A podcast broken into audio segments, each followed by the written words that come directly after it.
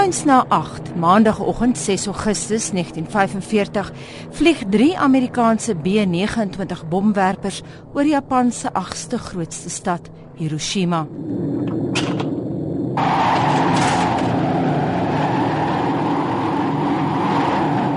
Een van die bomwerpers, die Enola Gay, laat val 'n atoombom van 'n hoogte van 36000 voet op die stad. 45 sekondes later is Little Boy met sy 20000 ton TNT se werk voltooi. I saw the bluish white flash outside. I had a sensation that my body was floating in the air and that's the end of my memory. Die sampioenwolk word die simbool van die 100 000 Japaneese wat onmiddellik sterf. Die nuus is histories van aard, 'n wêreldeerste. Scientists, British and American, have made the atomic bomb at last. The first one was dropped on a Japanese city this morning. It was designed for a detonation equal to 20,000 tons of high explosives. That's 2,000 times the power of one of the RAF's 10-ton bombs of orthodox design. 11331 km van Hiroshima af reik die Withuis 'n mediaverklaring uit. Indien die Japaneese nie aan die geallieerde magte oorgee nie, sal verdere stappe volg. Die presiese woorde: Japan can expect a hail of ruin from the air. 3 dae later word die stad Nagasaki geteken en 30000 sterf. President Harry Truman gee sy vloot opdrag om Japan aan te val met die voorwaarde dat geen meer atoombomme gebruik word nie. Op 14 Augustus 1945 gee Japan oor. Een dag later vier die oorwinnaars VJ Day, oftewel Victory over Japan.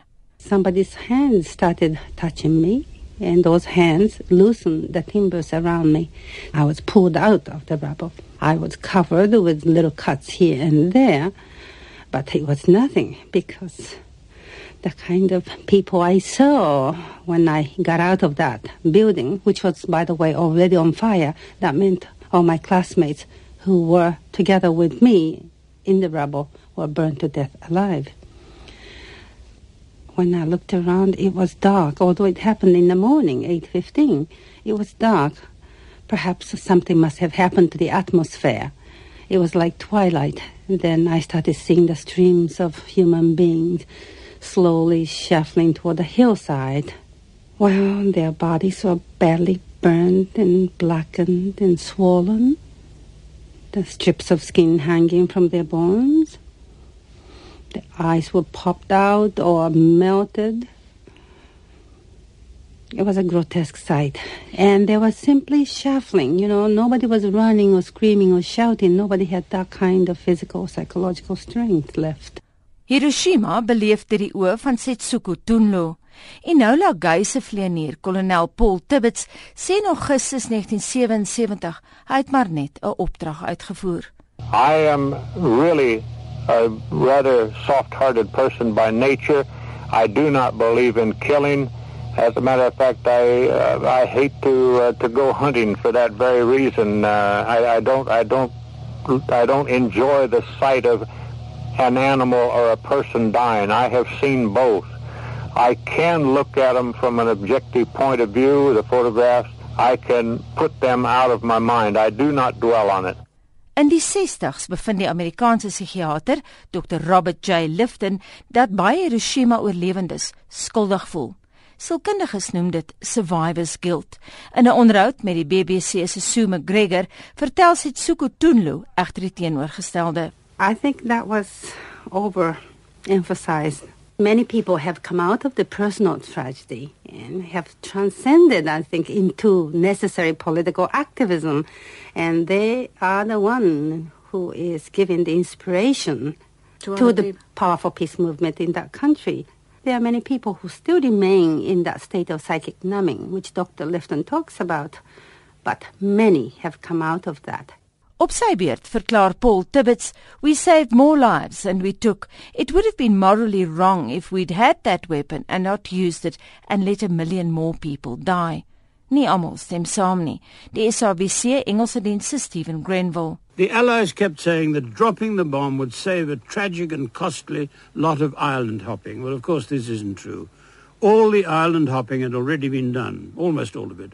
But the Allies meant to drop the bomb, and they damn well dropped it. I deny that emphatically, and I also deny that it had bothered anybody that was with me, and I underscore the word me on the mission because that implies people in my airplane.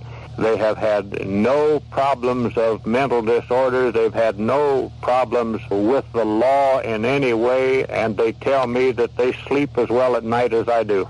En ons bly by Hiroshima. Ons praat ver met die Japaneese ambassadeur Shigeyuki Roki. Hy is by ons in die monitor ateljee om te praat oor die gebeure van 6 Augustus 1945 en uit die aard van die saak gaan ons hierdie onderhoud met die ambassadeur in Engels voer. Good morning Mr Ambassador and welcome. Good morning. Thank you very much. Mr Ambassador, you wanted to talk about uh, the psychological effect of what happened on on survivors and on the Japanese.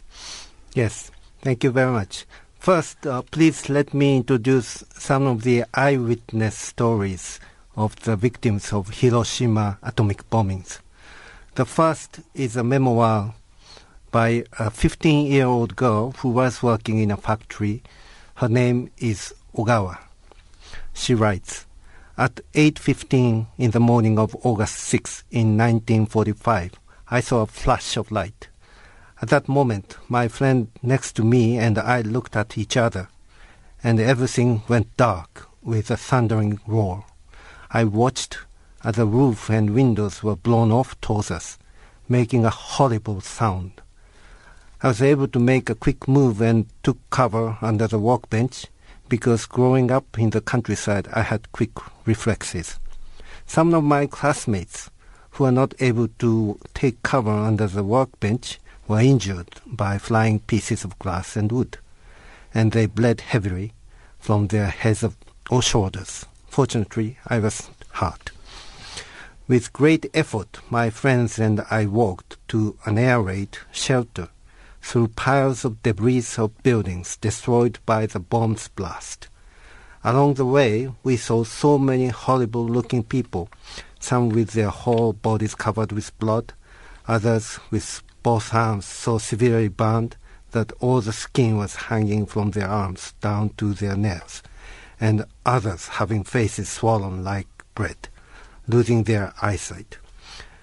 It was like ghosts walking in procession. On the way, some were exhausted and collapsed in a line on the sand because they were in such great pain. Some jumped into a river because of their serious burns. The river was filled with the wounded and blood. Even now, I shudder with horror whenever I remember the scene. We finally arrived at the air raid shelter and treated the wounded using slings and other bandages. But with wounded people coming one after another, we are totally helpless and worn out. Because it was very hot, I got a bucket and went to fetch water from a leaking water pipe, and I drank some. On my way back, I walked through wounded people lying on the ground. Some were dying, and some had lost their eyesight. They clung onto my legs and moaned painfully for water. Please give me water, water, please, water. And another story is about 13-year-old female student who were exposed to the atomic bomb about 500 meters away from the hypocenter. Their clothes were burned and in tatters because of heat rays. The front part of one girl's dress was completely burned, so she was half naked. She covered her breasts with her hands, but she was unable to conceal her private parts. With her skin swollen and dark red, she was crying to say that she was too embarrassed to walk home in public. She was with three other classmates, and the front part of their clothes remained unburned, with the back part of the clothes burned off. So they walked in a line in front of the girl to hide her behind them, encouraging her to walk home. I learned later that her mother was so grateful for their friendly help extended to her daughter that she was moved to tears.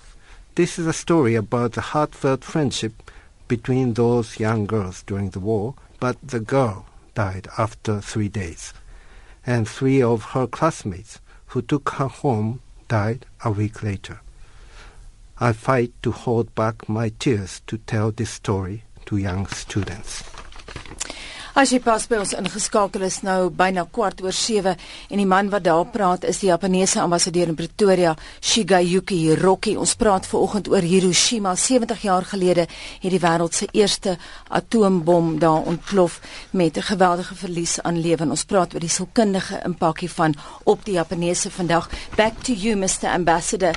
You were referring now to survivors tales. I also uh, want to later in the program just play in what one of the survivors had to say. But what has the psychological impact been of this today in Japan? Do people discuss this frequently?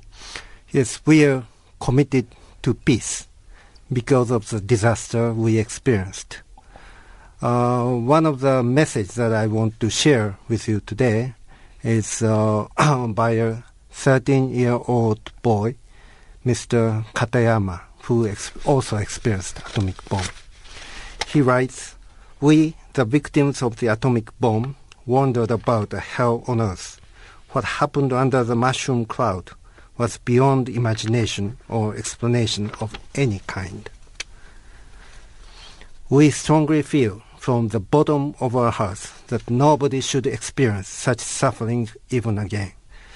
No more Hiroshima instead of remember Hiroshima. I want the thoughts and wishes of the disease to continue to live in people's hearts. I wish to pass on their thoughts to the next generation. People created the atomic bomb. People also used the atomic bomb. People can abandon the atomic bomb. To support the survivors of the atomic bomb, we as a nation, both domestically and internationally, must express the determination to never repeat such a tragedy. Japan, as the nation that was exposed to the atomic bomb, should now take the lead. This is Mr. Katayama's opinion, but I have the same belief. As the only nation that has suffered from atomic bombings, Japan has a duty to make known the horror associated with the use of nuclear weapons while working towards the realization of a world without nuclear weapons. Mr. Ambassador, just quickly, we want to listen to one of the survivors who talks about the strength of the peace movement in Japan today. I think that was overemphasized. Many people have come out of the personal tragedy and have transcended, I think, into necessary political activism. And they are the one who is giving the inspiration to, to the people. powerful peace movement in that country. There are many people who still remain in that state of psychic numbing, which Dr. Lifton talks about, but many have come out of that. Mr. Ambassador, how does one move on after such a disaster? Definitely, we want to work together with uh, the people all around the world who wants to have peace and stability and prosperity. As stipulated in Japan's constitution, Japan aspires to maintain and ensure peace and stability in the world. And we are committed to non-proliferation of nuclear weapons and disarmament of any kind. Mr. Ambassador, one of our listeners this morning said he wanted to know what the health effects were on the Japanese in terms of cancer, radiation, uh, that kind of thing. Actually, immediately after the atomic bombs, 140,000 people perished in Hiroshima and 70,000 died in Nagasaki. But that was uh, the immediately after the bombings. There's a long-lasting uh, effects of radiation, and uh, our registered uh, death toll is 290,000 for Hiroshima and 160,000 for Nagasaki. And there's two people who are suffering from the diseases, leukemia, cancer, and also uh, generations after the next generation is suffering from this disease as well. Are you talking about cancer? The cancer, yes. The people of Japan, what are they feeling towards the Americans? Well, we would like to build peace with Americans, with uh, all people around the world.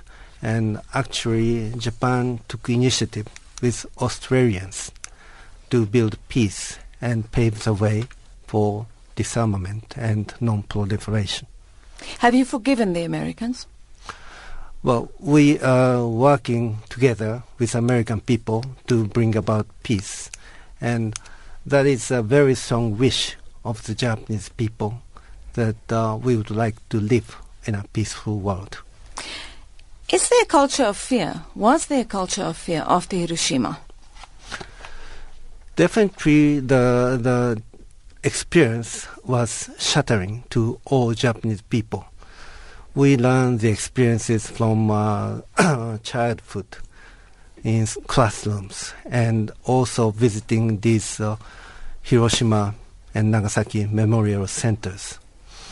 So this uh, is sort of uh, the mission, feeling of mission that we have to work to um, bring about a nuclear-free world.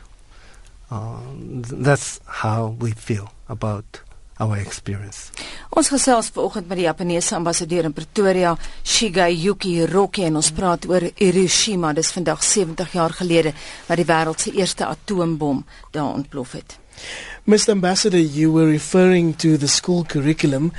I'm wondering how does the younger generation feel about the war? What do they know about the war? They feel keenly that uh, what our ancestors, what uh, our grandmothers experienced 70 years ago, and there's a very strong pe- uh, feeling to uh, bring about peace and uh, to make Japan a leading nation to ensure peace and stability in the world.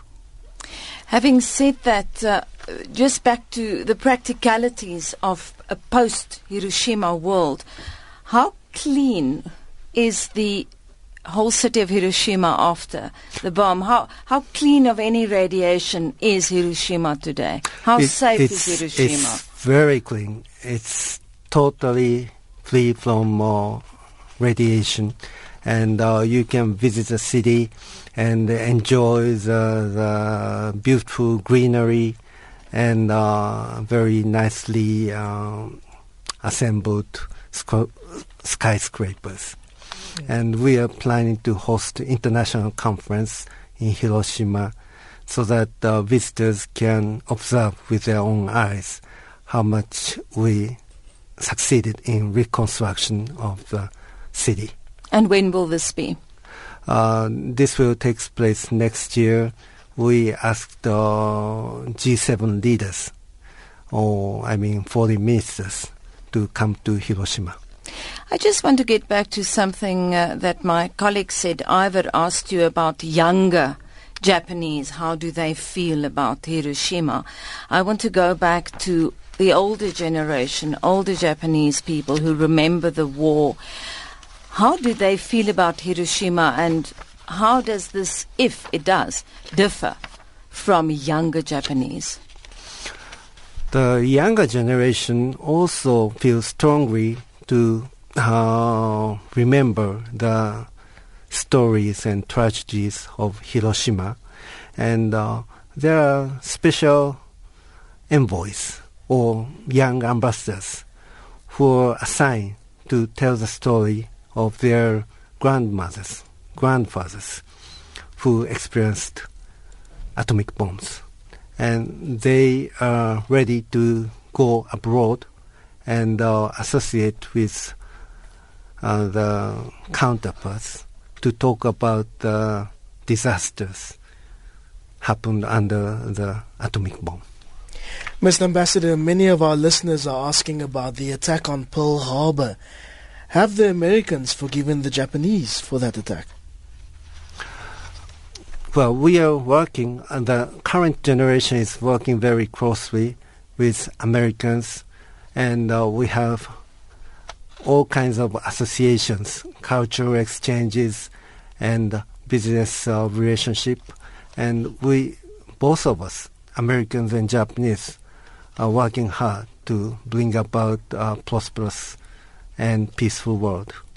I see there is a lot of reaction from listeners saying that you should also focus, you should give some attention to what the Japanese did to the Americans in terms of Pearl Harbor. Quite a few listeners who take that point. I suppose it is a, a point that is debated with you as ambassador.